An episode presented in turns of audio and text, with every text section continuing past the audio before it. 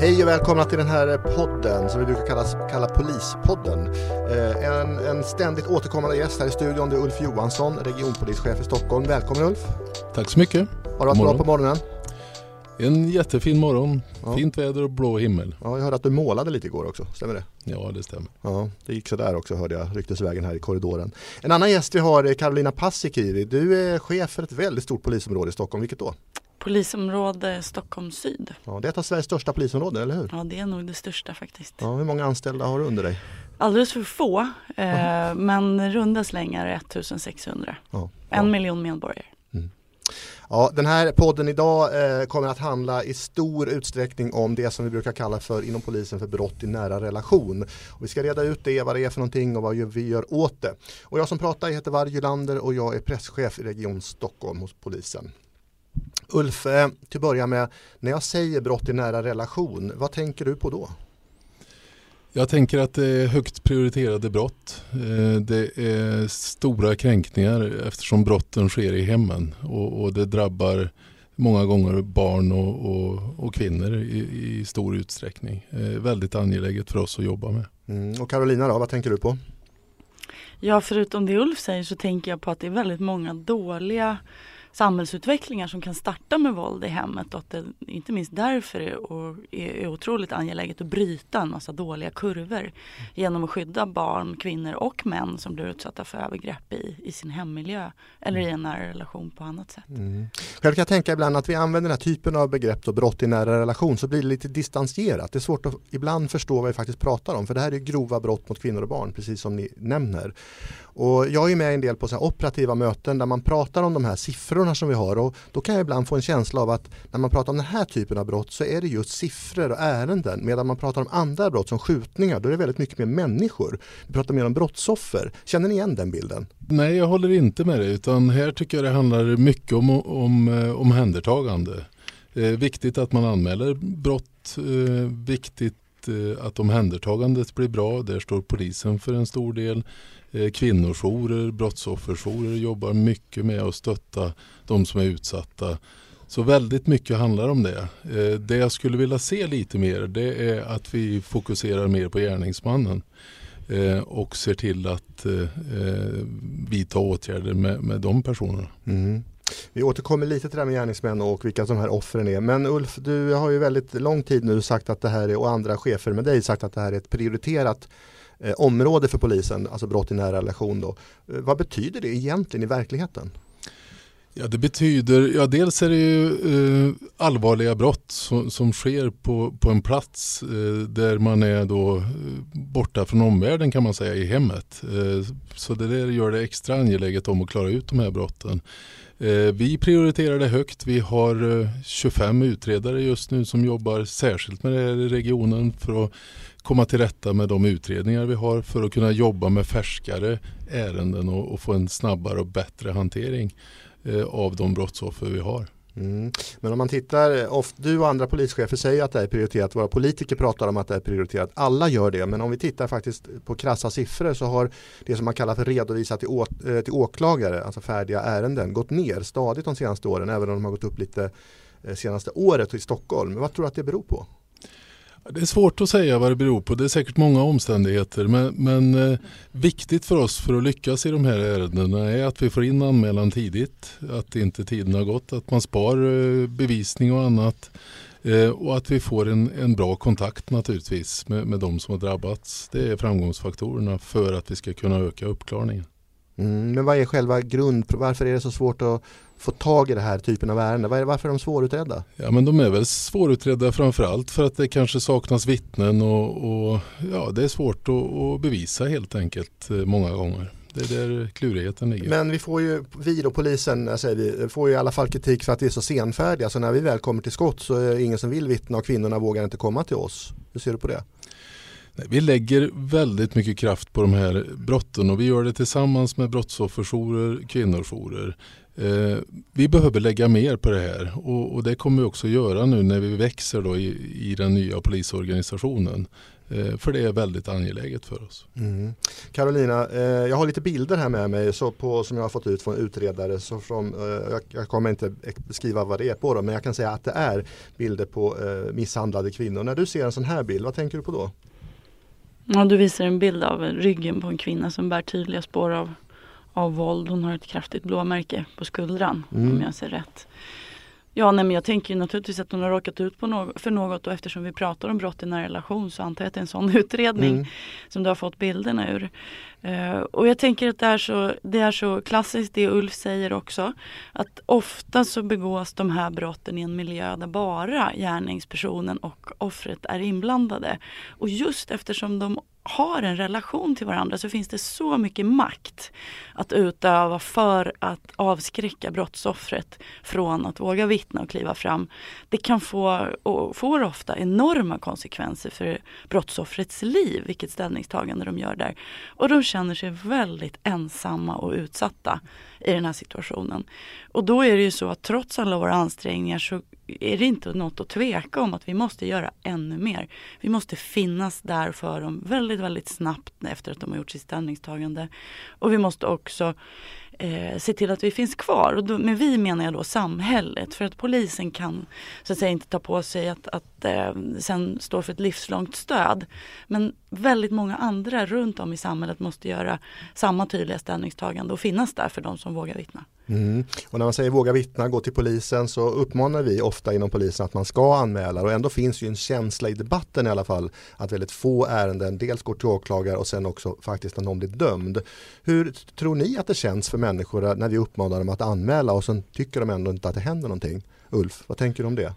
Nej, det är naturligtvis en, en förfärlig upplevelse att som brottsoffer eh, inte få den upprättelse som, som man vill ha i, i en brottsprocess. Eh, förtroendet är ju det viktigaste vi jobbar med och, och, därför är det väldigt angeläget att man känner stödet, att man får hjälpen och att vi finns där och jobbar väldigt hårt för att man ska få den här upprättelsen.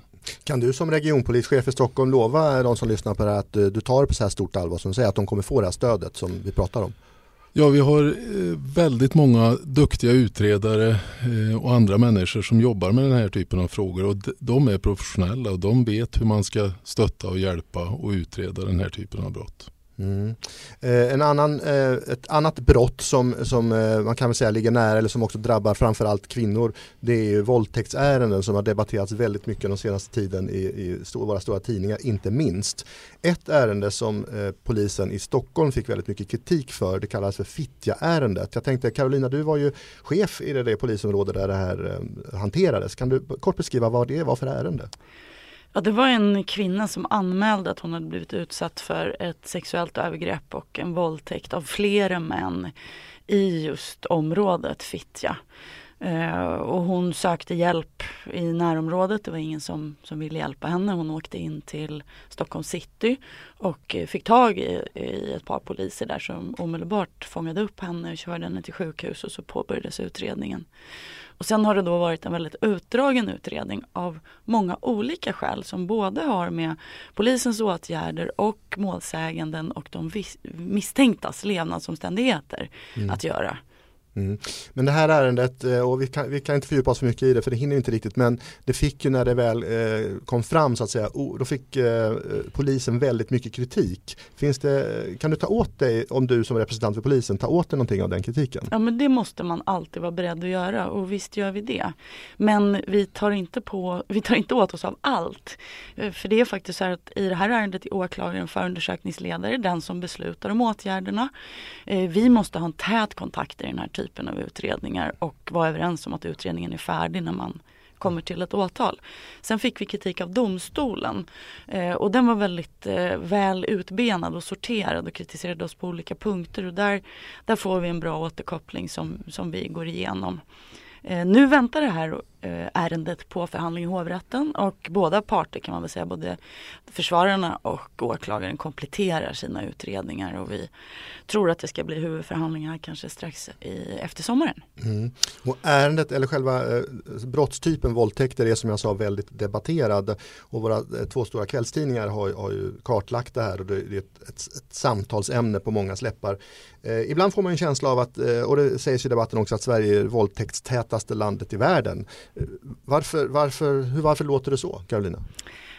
Ja, alltså du ber mig spekulera för jag har inte disputerat i det här ämnet. Men däremot så eh, kan man väl tänka sig en massa olika varianter. Inte minst det att vi faktiskt ändå har en viss hög anmälningsbenägenhet. Det vill säga vi får reda på när våldtäkterna sker och vårt samhälle har ett tydligt ställningstagande om att det här är ett brott. Även inom relationer, inom äktenskap. Eh, och det är väl inte världsunikt men det är i alla fall så att vi har en lång tradition av att eh, tydligt peka ut det här som ett brott mm. och dessutom ett allvarligt brott. Mm. Och när, om vi tittar, om man då tar brott i nära relation som brott så har vi eh, eh hyfsat, hyfsat okej okay siffror brukar vi säga här. När det gäller våldtäktsärenden över landet så är det ju sämre. Alltså våldtäktsärenden överlag är ju svårutredda brukar man säga inom polisen. Och varför är det det? Eh, ja, det är eh, framförallt bevisfrågorna som är svåra. Eh, och det, det säger sig självt. Det är ofta gärningspersonen och den ja, målsäganden helt enkelt som är ensamma. Och det gör att det är väldigt svårt att visa vad det är som har skett helt enkelt. Mm. Men vi borde väl bättre eller?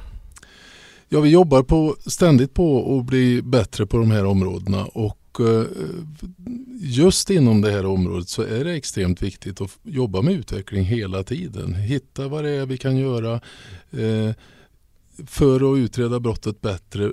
Men framförallt skulle jag säga snabbheten är en av de absolut viktigaste frågorna. Att vi får får in anmälan och att vi sätter igång direkt. Eh, för ju längre man väntar desto svårare blir det att utreda ett sånt här brott. Mm.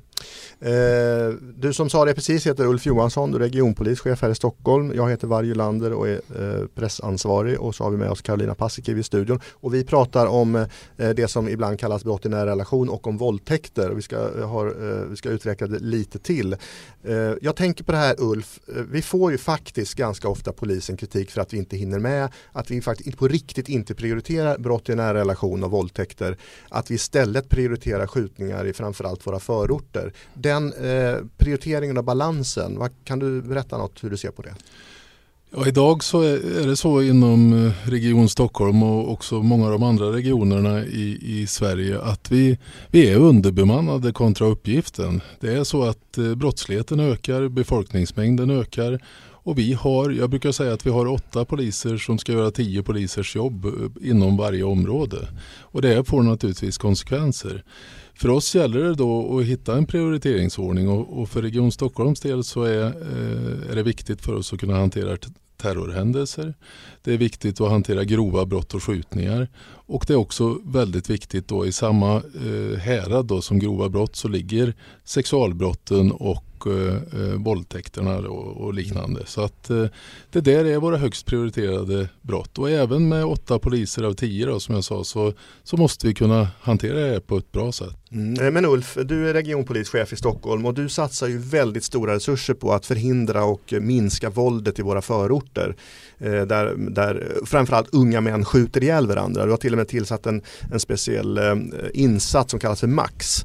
Eh, men om man tittar på dödligt våld mot kvinnor över landet, inte Stockholm, så dör det ungefär, eller mördas ett 20-tal kvinnor varje år i, i landet. Jag vet inte exakt hur många i Stockholm. Men där sätter inte vi in några stora insatser på det sättet. Varför är det på det sättet? Man kan säga i grunden så, så ligger straffskalorna som, som en bas för hur vi prioriterar eh, inom Region Stockholm och då blir det naturligt att terror eh, är allra högst upp och mord eh, och skjutningar som, som ger en väldigt stor otrygghet i hela samhället också har en väldigt hög prioritet i det häradet ligger också eh, sexualbrotten, våldtäkterna med flera. De är extremt viktiga för oss. Vad vi har som utvecklingsområde här det är att fundera på förstahandsåtgärder eh, när det gäller våldtäkter till exempel i jämförelse med vad vi jobbar med en skjutning och där har vi ett utvecklingsområde. Det måste vi jobba hårt med för att hitta framgångsfaktorerna och göra dem också. Du får nog förklara för, för lyssnarna vad förstahandsåtgärder är för någonting. Ja, det är, ju, det är ju att komma igång tidigt med en utredning och lägga in eh, stor kraft från början eh, och göra rätt saker helt enkelt. Eh, eh det kan vara bevissäkring, eh, se till att eh, man får hjälp och stöd omedelbart och, och, att vi ja, eh, hanterar ärendet riktigt från början med full kraft. Mm. Men Ulf, jag måste säga att det låter lite som läpparnas bekännelse ändå. För när man hör om statistiken och utredningsresultaten och resurserna så lägger vi väldigt mycket pengar och resurser på att förhindra våld i våra förorter, att hantera stora, till exempel som vi pratade om förra gången, stora folksamlingar, fotbollsmatcher och inte alls samma resurser till våld i nära relation. Eh, varför är det så? Jag skulle inte hålla med om den bilden. Vi har eh, väldigt många utredare som, som hanterar den här typen av brottslighet. Vi har brottsofferstödjare. Vi har eh, sådana som tar hand om eh, hot och våld, alltså riskhanteringen om du behöver hjälp med, med skydd och annat. Så att vi har en väldigt stor resurs. Men metodiken och satsningen från start i de här ärendena, där tror jag vi har en del att lära, till exempel från skjutningarna. Hur kan vi få en riktigt bra start? Mm, bra. Karolina, eh, det där som, nu säger Ulf att jag har fel här, det kanske jag har, men hur är din bild av hur vi faktiskt på riktigt prioriterar de här frågorna mellan det grova våldet och brott i nära relation? Ja, man kan väl säga att satsningarna i den yttre miljön som ju också betyder eh, fara för eh, helt oinblandade, alltså det är fara för fler människor. Det, det är ju prioriterat och syns bättre för omgivningen. Men vi har prioriterat brott i nära relation under hela den här resan som vi har gjort sedan vi ombildade Polismyndigheten 2015. Eh, och i polisområdena i Stockholm vågar jag påstå så har brott i nära relation legat högt på prioritetslistan hela tiden. Mm. Även under mer pressade situationer. Men man, man måste komma ihåg att det krävs otroligt mycket stöd till, till brottsoffren här. Det krävs väldigt mycket hänsyn till i vilket psykiskt skick de befinner sig. Eh, och emellanåt är de till och med faktiskt når, svåra att nå, alltså få tag i för att göra utredningsåtgärder. Det där tickar också en massa tid i utredningarna och påverkar kvaliteten eh, kräver i sin tur ännu mer resurser av oss och så där växer det. Liksom. Eh, så att jag instämmer i uppfattningen att det gäller att, att vässa de här allra tidigaste åtgärderna för att också fånga upp brottsoffren och uppmuntra dem och försäkra dem om vårt stöd så att de vågar stå ut med en ofta ganska utdragen utredning. Mm. Vi pratar alltså om brott i nära relation, det som på, i vanligt tal oftast vi pratar om kvinnomisshandel, eh, även dödligt våld, barn som utsätts för våld. Vi har pratat om våldtäkter eh, och vi börjar närma oss slutet på den här Eh, inspelningen, podden. Eh, Ulf, eh, om du ändå kan vända dig till eh, både polisanställda inom polisen och till medborgarna i Stockholm vad, och du säger att vi prioriterar den här typen av brott. Eh, kan du ge några sista ord om hur vi, hur vi faktiskt ska göra det? Ja, jag tror att eh, när det gäller de som har drabbats så är det viktigt att man kommer till polisen, att man anmäler. Eh, som jag sa, det finns eh, stöd och hjälp att få. Eh, både från polisen, vi har många, många duktiga utredare och andra personer som kan hjälpa till. Vi har gott stöd av kvinnojourer eh, och andra brottsofferenheter eh, och annat som jobbar med det här. Så det finns hjälp att få. Vi jobbar för att förbättra oss och jag skulle gärna se att vi i samhället diskuterade vad, vad händer med den drabbade kvinnan eller barnet, målsäganden i det här fallet, kontra den som har eh, gjort det här, den misstänkte. Jag kan tycka att inskränkningarna för den som är drabbad är, är oproportionerligt stora i förhållande till vad den misstänkte då eh, drabbas av. Det blir alltså brottsoffret som får flytta, börja ett nytt liv eh, ändra skola och så vidare. Det där tycker jag vi skulle ha en diskussion om i samhället eh, om vi skulle balansera det på ett annat sätt. Men du, du kan inte vara helt nöjd med det resultat jag har idag även om vi säger att vi prioriterar det eller hur ska jag uppfatta dig? Nej vi är inte nöjda med det men, men, vi är nöjda med de som jobbar med det och de gör sitt absolut bästa i det här. Men vi ska se till att de får ytterligare kraft i det här eh, i framtiden. Carolina du som är chef över en eh, stort polisområde, det största polisområdet i Sverige. Hur ska, du, eh, hur ska du arbeta framöver med de här frågorna? Ja men det är på ett prioriterat sätt och dessutom vill jag fördjupa förståelsen och metodiken kring att familjevåld hör faktiskt ihop med våld i offentlig miljö. Det är en, en osyn, osund syn på makt, våld och sexuell kultur som om den grundas i unga år leder till eh, dåliga liv och livsval både för de potentiella gärningspersonerna och fler brottsoffer. Eh, och sen så vill jag fortsätta och, och uppmuntra och uppmana eh, de som har varit utsatta för den här typen av övergrepp att vända sig till oss. Det är också så att man kanske ibland inte ens förstår att man har varit utsatt för ett övergrepp och då ska man vända sig till oss för att få vägledning i det. Eh, det är en del brottsoffer som vittnar om väldigt dåliga erfarenheter från att ha anmält den här typen av brott. Eh, och det ska vi inte dölja att en utredning av det här slaget är plågsam att gå igenom.